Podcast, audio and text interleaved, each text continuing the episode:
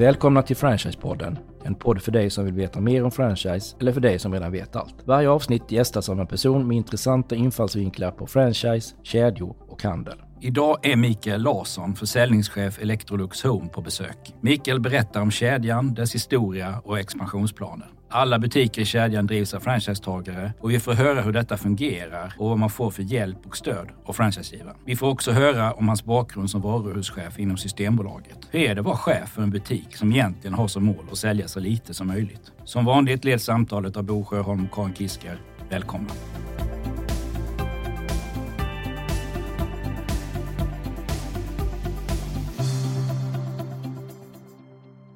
Välkommen hit till Franchisepodden Mikael Larsson, försäljningschef på Electrolux Home. Kul att ha dig här. Tack så mycket. Det är kul att vara här.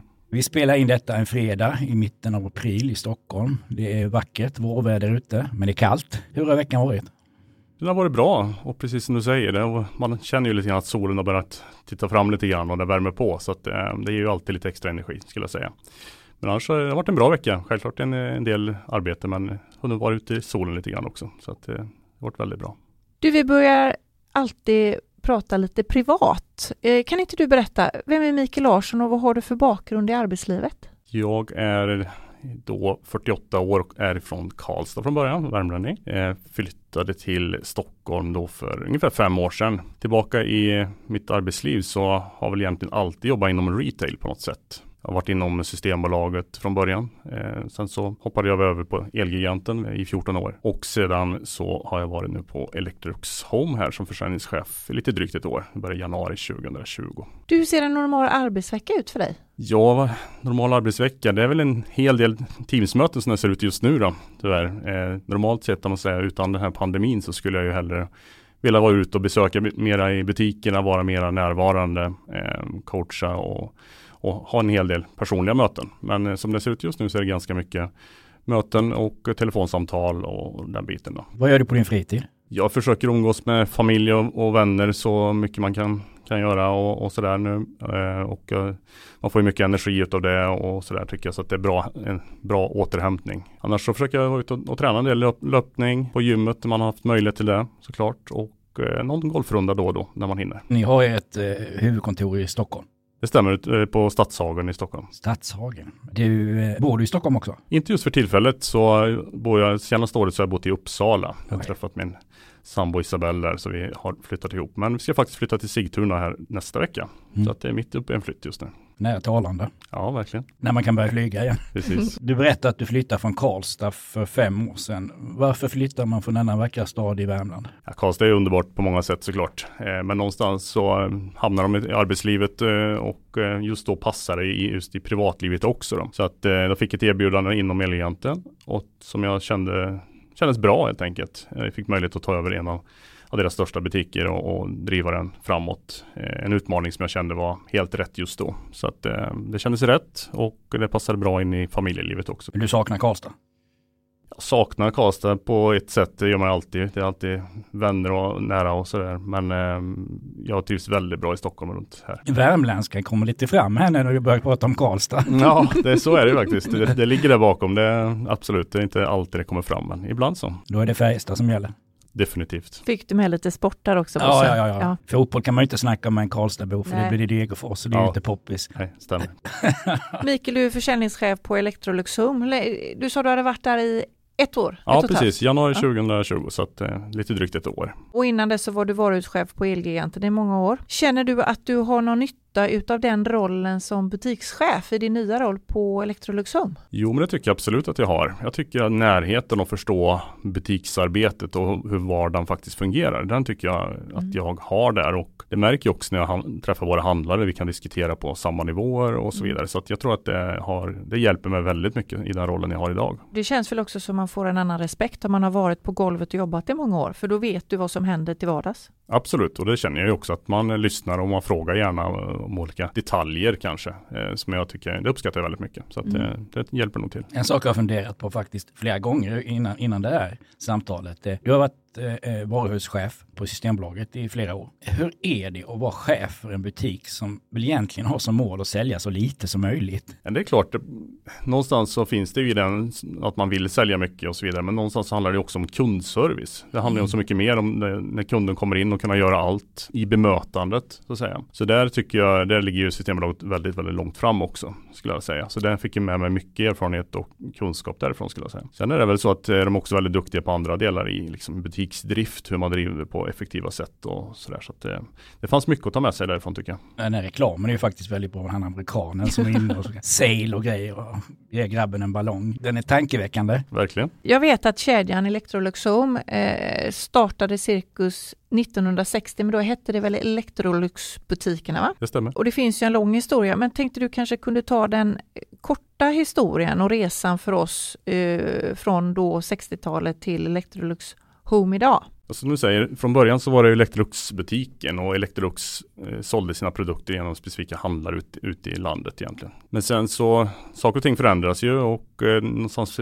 90-talet där så började flera sälja Electrolux-produkter man kanske importerar från Europa och sådär. Så man såg ju behovet då att sälja i kanske i andra butiker eller i, i, flera butiker. Och då kom ju också tanken på att man skulle öppna en butikskedja. Så att 95 då så öppnades eh, Electrolux Home som en egen franchisekedja. Och sen har ju resan eh, varit där på många sätt, eh, både lite upp och ner såklart. Eh, man man har tagit in mera kök eh, under resans gång och eh, kanske fokuserar mer åt det hållet att man jobbar mer mot eh, köksdelen. Tidigare så var Electrolux Home ett eget bolag kan man säga. Men 2015 så går moderbolaget, så Electrolux, in och tar över Electrolux Home också. Då. Så just nu så numera ingår vi i själva Electrolux hemprodukter. Och sen så eh, har det väl inte hänt så mycket egentligen, ska vi vara ärliga och så vidare. Det har varit lite förvaltning och sådär. Så att 2018 där någonstans så var det faktiskt eh, där man funderade ganska mycket på om man då skulle finnas kvar eller inte. Det gick eh, lite tyngre. Men gjordes en, en bra utredning där man tittar på vad man vill ha med kedjan och vad, vad vill man framåt. Så att eh, då kommer man väl egentligen fram till att det kan vara en väldig styrka som en tillverkande industri som Electrolux är då. Att mm. ha en egen butikskedja just för varumärket. Mm. Så att eh, man tar fram ett eh, butikskoncept som lanserades i Uppsala. November 2019 öppnade vi butiken i Uppsala med nya butikskonceptet. Sen maj 2020 sen så öppnade vi även Göteborg Seashore med nya konceptet. Och hade väl planer på att, att öppna upp flera butiker med nya koncept under förra året. Men pandemin satte väl lite stopp på det. Men det fanns en osäkerhet i marknaden helt enkelt. Mm. På något sätt så har det varit ganska bra också för att vi fick fundera lite grann på eh, vad vill vi med kedjan? Eh, vi hade tagit fram butikskoncept men vi hade nog inte funderat så mycket på ett franchisekoncept egentligen. Mm. Ska säga. Så det har vi gjort ett arbete med och jag ska säga att vi är väl eh, starkare nu skulle jag säga än vi var bara för något år sedan och mm. har en bra plan framåt. Känns väldigt, väldigt bra. Så att, eh, nu är planen att vi ska rulla ut fler butiker och att vi ska mm. utveckla konceptet ytterligare. Mm. Med tanke på er historik från 1960-talet, den här småföretagsandan, finns den kvar om man säger så? För det är ju så att många av era butiker ligger ju i mindre städer. Du får rätta mig om jag har fel, men det stämmer väl? Det stämmer, ja. absolut. Eh, känner ni att ni, det är någonting ni vill fortsätta arbeta med, att det ska vara på det sättet? Ja, man ska ta vara på det tycker jag. Jag tycker att det finns den småföretagarandan, precis som du säger. Det är också styrkan. Det mm. finns en otrolig kunskap och otroligt mycket hjärta för kedjan och för Electrolux som varumärke. Det är en av de styrkorna vi har och vi ska vi fortsätta att jobba på. Den ska mm. vi absolut vara rädda om tycker jag. Mm. Som det finns i Sisjön, det har jag missat. Där finns det, du, du har HTH där och du har den här finska, vad nu heter, ja. Pustili. Ja. ja. Precis. Det, ligger ni där i anslutning? Ja, precis i området, ja. det stämmer. Är det så att det det är bra att ha konkurrenter i området, att man drar folk. Så går man till, eller? Ja, jag tycker att det verkar bra för att någonstans så finns ju kunden är ju där och är i tanken just mm. då på att handla mm. kök. Och finns närvaron då så vi ser vissa fördelar med det. Det är ju inte så att man råkar gå in och köpa sig ett kök kanske? Nej. Nej, Nej men, men även eh, om man tittar på mobiltelefoni eller skor så är det ofta mm. så att det är ett mm. kluster. För mm. ska du köpa ett par skor så är det bra om det finns fyra butiker mm. som du kan välja mellan. Och köper du inte hos mig idag så gör du det nästa gång. Så mm. jag, jag, tror absolut att det är bra. Nu är det lite, lite skillnad på att köpa skor och köpa ett kök. Men, eh, hur många butiker har ni idag?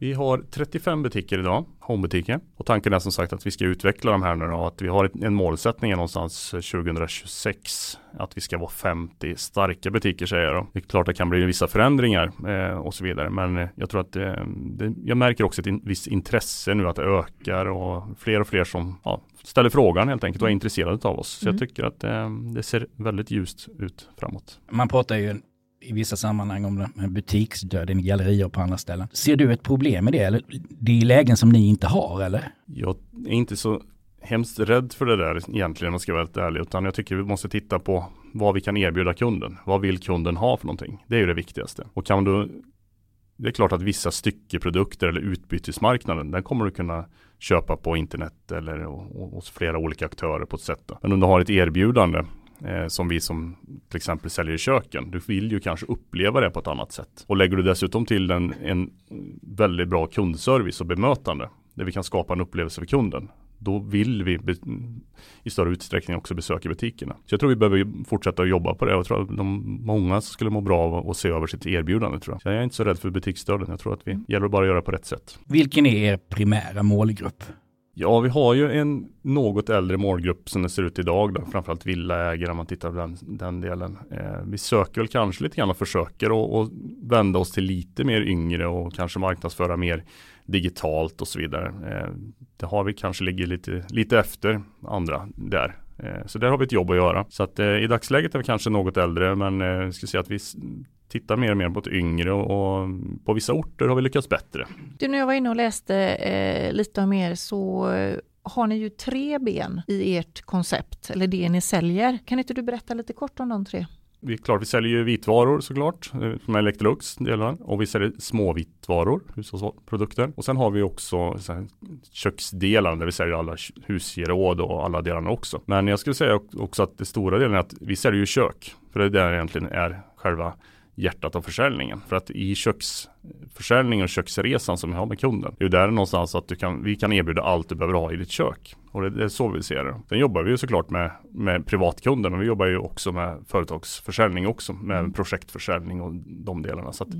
det är lite olika ben att stå på. Jag vet ju att det finns väldigt många som kanske har tummen mitt i handen och undrar, kan man ringa till er? Vi säger man har beställt ett kök, men kan jag ringa till er sen och be att ni kommer hem och installerar hela mitt kök och jag kan resa bort i två veckor, eller hur? Har ni sån service? Ja, mer eller mindre skulle jag kunna säga. För att det, mm. det är ju en av styrkorna. Vet, vi måste kunna vara, vara med kunden hela vägen. Det är mm. egentligen hjälp hela vägen för att mm. kunden har idén, kommer in till oss. Eh, vi hjälper till att komma hem till kunden och mäta och se till mm. att det blir rätt. Ritar upp tillsammans med kunden såklart och att kunden är medveten hela, hela resan exakt var vi är i processen. Eh, och sen så kan vi eh, hjälpa till med hantverkare eh, och vi åker gärna, gärna ut och tittar också och ser hur, hur det blev efter när det mm. var klart. Så att kunden är nöjd och att eh, vi alla är nöjda. Men kan jag ingå ett avtal med er eh, så anlitar ni hantverkare eller måste jag göra det själv? Alla våra butiker har i alla fall så att man har någon, någon typ av samarbete. Man brukar kunna, med en kontakt så, så har du hjälp egentligen. Karin nämnde här tidigare folk som har tummen mitt i handen. jag sitter en. jag vet att Bosse nämligen behöver byta ut sitt kök ja, så jag tänkte jag skulle hjälpa honom på traven. Bosse mm. välkommen. Vi får se. Eh, jag trodde faktiskt felaktigt att ni var ett bolag som ägdes av Electrolux men nu förklarar det att det är ni inte utan ni är en division inom stora Electrolux. Vi ingår i, i stora Electrolux-koncernen, precis. Electrolux är ju ett rätt stort företag. Styrs ni mycket från Electrolux centralt eller får ni lite grann inom din verksamhet göra lite grann som du vill? Eller ni? Jag förstår att det är ingen enmansorkester. Nej, det är klart att vi någonstans så handlar det om att vi har ett väldigt starkt varumärke vilket är en styrka såklart. Eh, och vi måste någonstans se var vill vi och att vi går åt samma håll som Electrolux eh, önskar såklart. Det finns ju en gemensam plan för hela, alltså i det här fallet för Norden då, till exempel. Så det är klart att vi går åt samma håll och har samma, samma plan allihopa. Så att, eh, men så får ju jag ge mina input eller vi i våra team ger våra input och, och, det är vi som är de bästa på att driva mm. butiker. Mm. Så att det, på ett sätt så att det handlar om ett samarbete någonstans där, att vi tar vara på alla resurser som finns samtidigt så att man eh, tittar på vad faktiskt vad vi kan. Då. Så att jag tycker det fungerar väldigt, väldigt bra. Det finns en stor lyhördhet och eh, en, en, en bra, ett stort intresse från hela Electrolux faktiskt, mm. vad HOM och vår resa är. Men sitter ni på? Vi sitter på kontoret eh, på Stadshagen tillsammans med Electrolux. Okay. Ja. Jag läste att ni har ett eget märke som heter Sentens, som jag uttalade rätt. Det stämmer bra. Har ni egen tillverkning eller köper ni in det från någon annan eller? Nej, det är Nobia som tillverkar dem i Tidaholm, svensktillverkat med svanmärkta kök. Men det är väl fantastiskt att det är ett eh, helt svenskt, att det produceras i Sverige?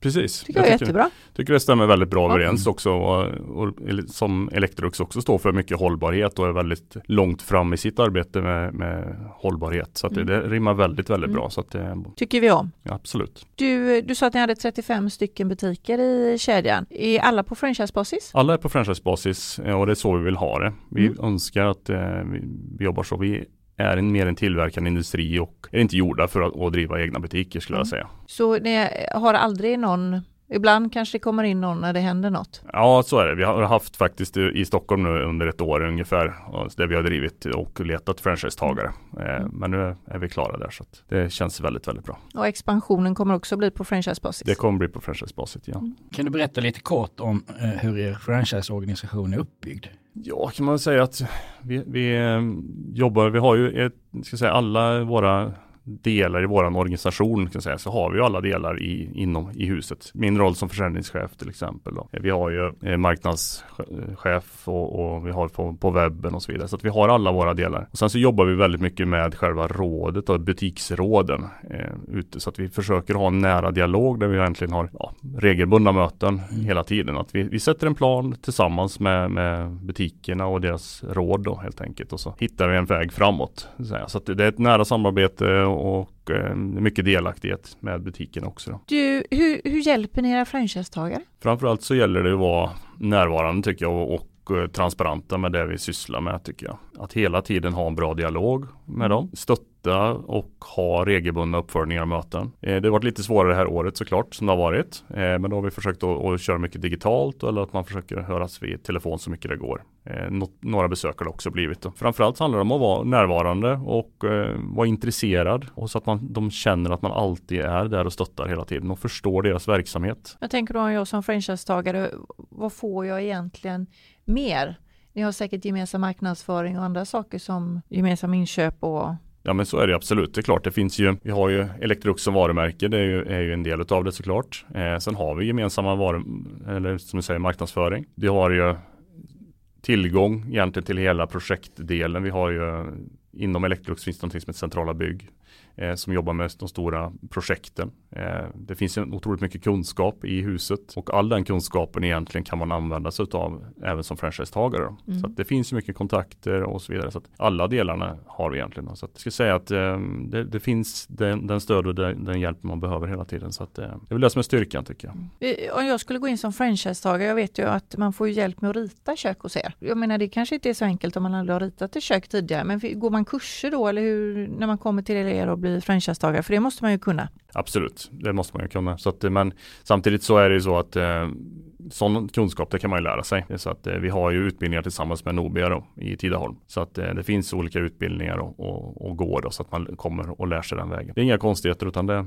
det lär man sig efterhand. Hur gör ni när ni rekryterar nya franchisetagare? Som det har varit nu så har det varit ganska Eh, försiktigt med den biten. Vi har ju liksom lite som jag nämnde tidigare att det var viktigt att, att veta vad vi vill och vad vill vi ha, vilket koncept vill vi ha och så vidare. Så jag har varit ganska försiktig med den biten ska jag säga. Men eh, lite grann så att vi jobbar och marknadsför oss via hemsida och lite sådana saker. Vi kommer att bli lite mer aktiva lite längre mm. fram här helt enkelt, är tanken. Om man nu vill eh, bli franchisetagare hos er, vad ska jag ha för egenskaper? Ja, framförallt ett entreprenörskap tycker jag är viktigt eh, någonstans. Så att man är intresserad av det man ska syssla med. För intresset, eh, så länge man tycker någonting är kul, då vill man ju göra det ännu mer så att säga. Mm. Och, och så man, man, behöver vara involverad i verksamheten och liksom brinna för det man gör. Så att mm. ett entreprenörskap är, är absolut det viktigaste. Sen finns det massa andra saker man kan lära sig absolut. Men eh, man behöver brinna för det och vara intresserad. Det är, mm. det är liksom det viktigaste jag ser. Man kanske ska veta vad som är upp och ner på en hammare också. Ja, lite så. Det är klart att det, det, det skadar inte, men det är väl kanske. Hur mycket pengar man ska ha? Vad är investeringen? Ja, det är lite olika. Det är ju beroende på läge, lokal och, och massa olika delar såklart. Eh, så sagt, det är inte solklart ska jag säga en exakt summa eh, i den, utan det finns eh, lite beroende på vad. Men eh, det är en ganska stor investering där absolut. Sen går vi in och hjälper till och stöttar den delen också då, beroende på vad det är. Men det är klart, det är, är det en befintlig lokal eller ska det byggas nytt och så vidare. Det finns ju mycket olika mm. delar att ta av och vi ser ju gärna att franchisetagaren själv står på hyreskontrakt och lite sådana saker så det, det varierar lite grann. Ett perfekt läge för er? Är det inne i stadskärna eller är det ute i ett, ja, som Sisjön, ett center en bit utanför stan eller har ni någon strategi där? Det behöver ju inte vara i precis ett centrumläge, det behöver det inte vara, utan eh, men Gärna lite som vi var inne på också, kanske nära andra mm. kökshandlare, mm. den biten så att man är lite så Lite utanför stan, så säga, i någon typ av handelsområde eller något liknande så mm. det verkar passa oss eh, väldigt bra. Är det viktigt med parkeringsplats och sådana saker precis utanför? Ja absolut, det underlättar ju väldigt mycket, mm. det skulle jag nog säga. Kan vem som helst bli franchisetagare egentligen? Det du sa att man skulle ha kreativ och framåt eh, för att bli franchisetagare.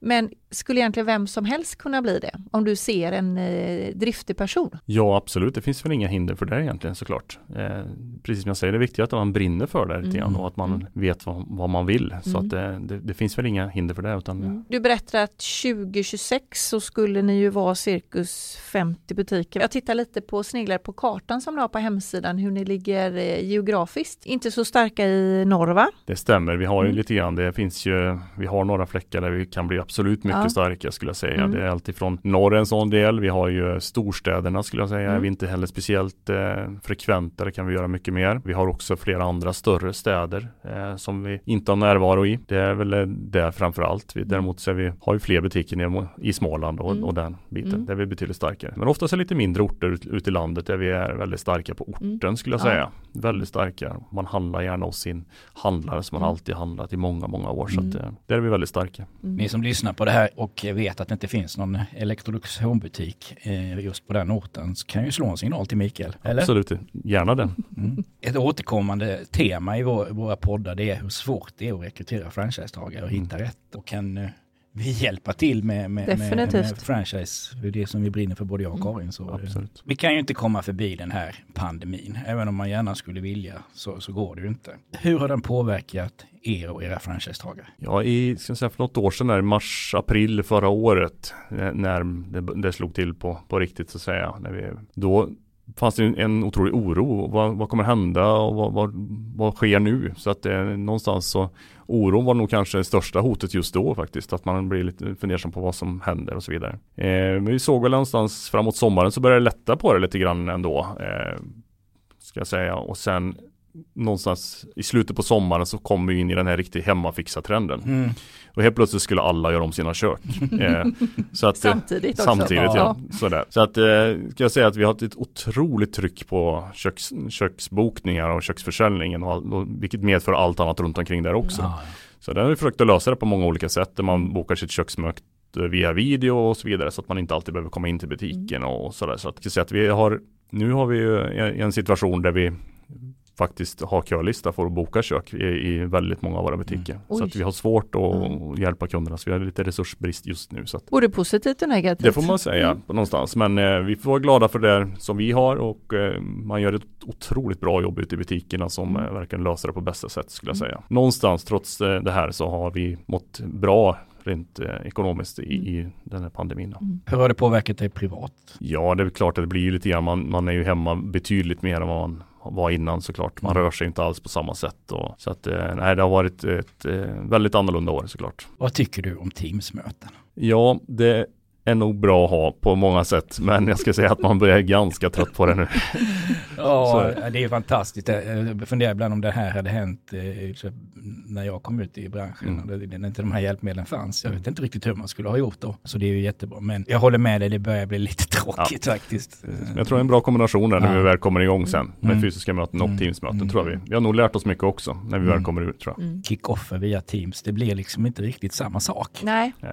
Det blir lite det blir stelare. Det blir lite stelare. Vi läser ju tidningarna just nu om alla e-handelsföretag som eh, exploderar. Hur arbetar ni med era franchisetagare för att hänga med i denna, om man säger, utveckling som också på grund av pandemin har galopperat? Ja, men jag, tycker att eh, vi måste se ett eh, ett samarbete med franchisetagarna i den biten. Och vi behöver ju driva någon typ av näthandel också. Så att, eh, annars så tror jag vi kommer efter om vi försöker att inte gå med där. Så det gäller ju bara att hitta det bästa utav det. Någonstans så hamnar det tillbaka till vad vill kunden? Hur vill kunden handla? Och det är just den, den vi måste lyssna på och försöka hitta de behoven som passar. Och sen får vi sy ihop det såklart. Eh, men vi, vi försöker koppla ihop våra näthandel med den lokala orten med, med, med butiken där. Mm. Så att eh, vi har våra näthandel så att de kan ta del av näthandelsförsäljningen mm. och lite sådana saker också. Mm. Det ska vara i ett bra samarbete, det är mm. viktigt tycker mm. jag. Men det är mest styckeprodukter som man säljer. Man, man går inte in på nätet och beställer ett helt kök, det funkar inte. Nej, precis. Det blir ju det. Det blir utbytesmarknad och styckeprodukter. Mm. Så att det, eh, det, det, är ett komplement till den övriga handeln, ska jag säga. Mm. Kedjan Electrolux Home, jag tänker på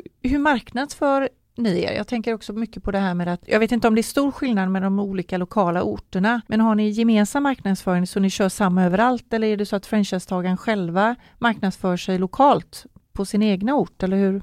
Arbetar ja, ni? Vi jobbar ju med direktreklam egentligen kan jag säga. Fortfarande papperstidning. Vi har en målgrupp som eh, fortfarande uppskattar den väldigt mycket. Då. Och den går ju eh, riks då, om mm. vi säger så. Sen så bestämmer varje handlare hur mycket man vill dela ut och lite sådär.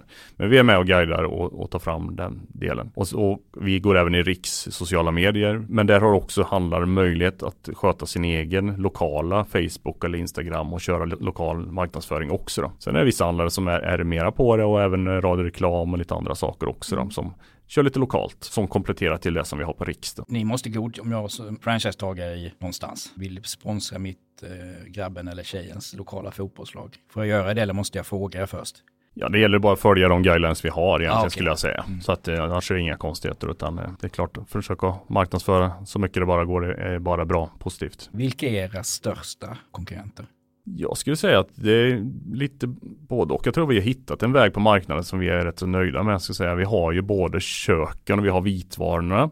Som vilket är vår styrka. Jag ska säga att vi har bägge benen att stå på. Sen har vi många duktiga aktörer. Vi har hela köksfackhandeln. Men de är oftast väldigt duktiga på kök. Och sen mm. har du den andra delen som är mer som Elon, El Elgiganten och annat som är kanske duktigare på styckeförsäljning fast de även säljer kök då. Men eh, jag skulle säga att eh, vi har hittat våran del på marknaden som jag känner mig väldigt, väldigt trygg med. Att vi har den delen och balansen i vitvaror och kök. Vilket prissegment ligger ni? Vi har ingen ambition att vara absolut och ha något priskrig eller sådär. Vi ska ligga med och vara, ha, vara attraktiva erbjudanden på marknaden. Det ska vi absolut ha. Men sen har vi ingen att vi ska lägga billigast. Eh, men, men vi ligger med absolut och har väl konkurrenskraftiga priser. Men vi har en massa andra fördelar också och framförallt så har vi otroligt duktig personal som har kunskapen och, och kan vägleda kunder på ett bra sätt. Mm. Ser man idag IKEA som en eh, konkurrent eller som ett komplement? Det är nog ett komplement. Jag skulle tro att det är väl oftast två olika kunder. Man kanske har olika mm. delar eh, skulle jag säga. Men mm. det är klart att ibland så vi får in kunder också som har varit på Ikea som sedan kommer till oss och så vidare. Mm. Eh, så det är klart att någonstans så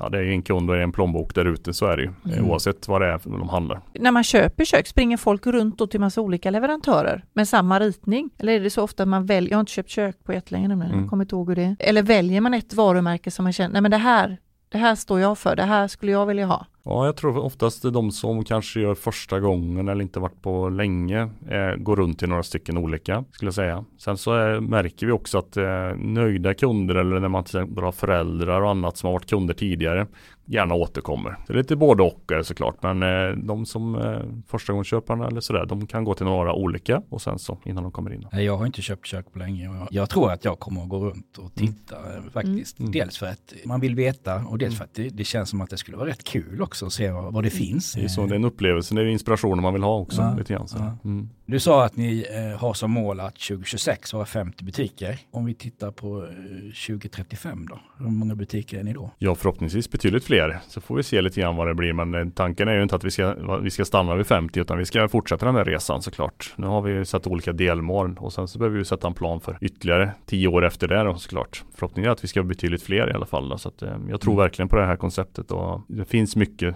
kunskap i kedjan ska jag säga. Så att, jag, jag tror absolut vi kommer vara betydligt fler än 50. Då. Franchiseavtalet, är det viktigt?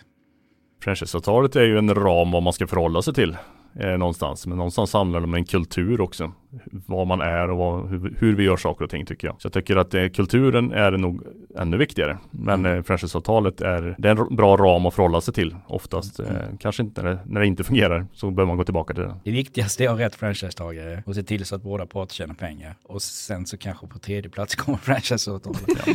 ja men det är ju sådär, vi ska ju alltid göra någonting som bägge parter tjänar på. Så mm. Det ska alltid vara en win-win. Annars mm. tycker jag inte att vi ska göra det. Nej, ska så Nej jag har sett väldigt få kedjor där det har varit lycklig gemenskap när ingen har tjänat pengar. Mm. Mm. Mikael, tiden springer iväg, eh, men jag tänkte be dig att eh, innan vi avslutar att du skulle ge lyssnarna tre stycken tips på hur man lyckas driva en framgångsrik franchisekedja. Ja, jag ska säga framförallt transparens tycker jag. Var öppen och ärlig med det vi gör, vad man vill. En närhet, var närvarande och ha kul. Det är viktigt. Det var tre bra tips tycker jag. Mm. Mikael Larsson, försäljningschef för Electrolux Home. Det var väldigt trevligt att ha dig här. Vi önskar dig all lycka till både med privatliv och med din roll som försäljningschef på Electrolux. Och vi tackar dig för att du kom. Stort tack. Tack så jättemycket.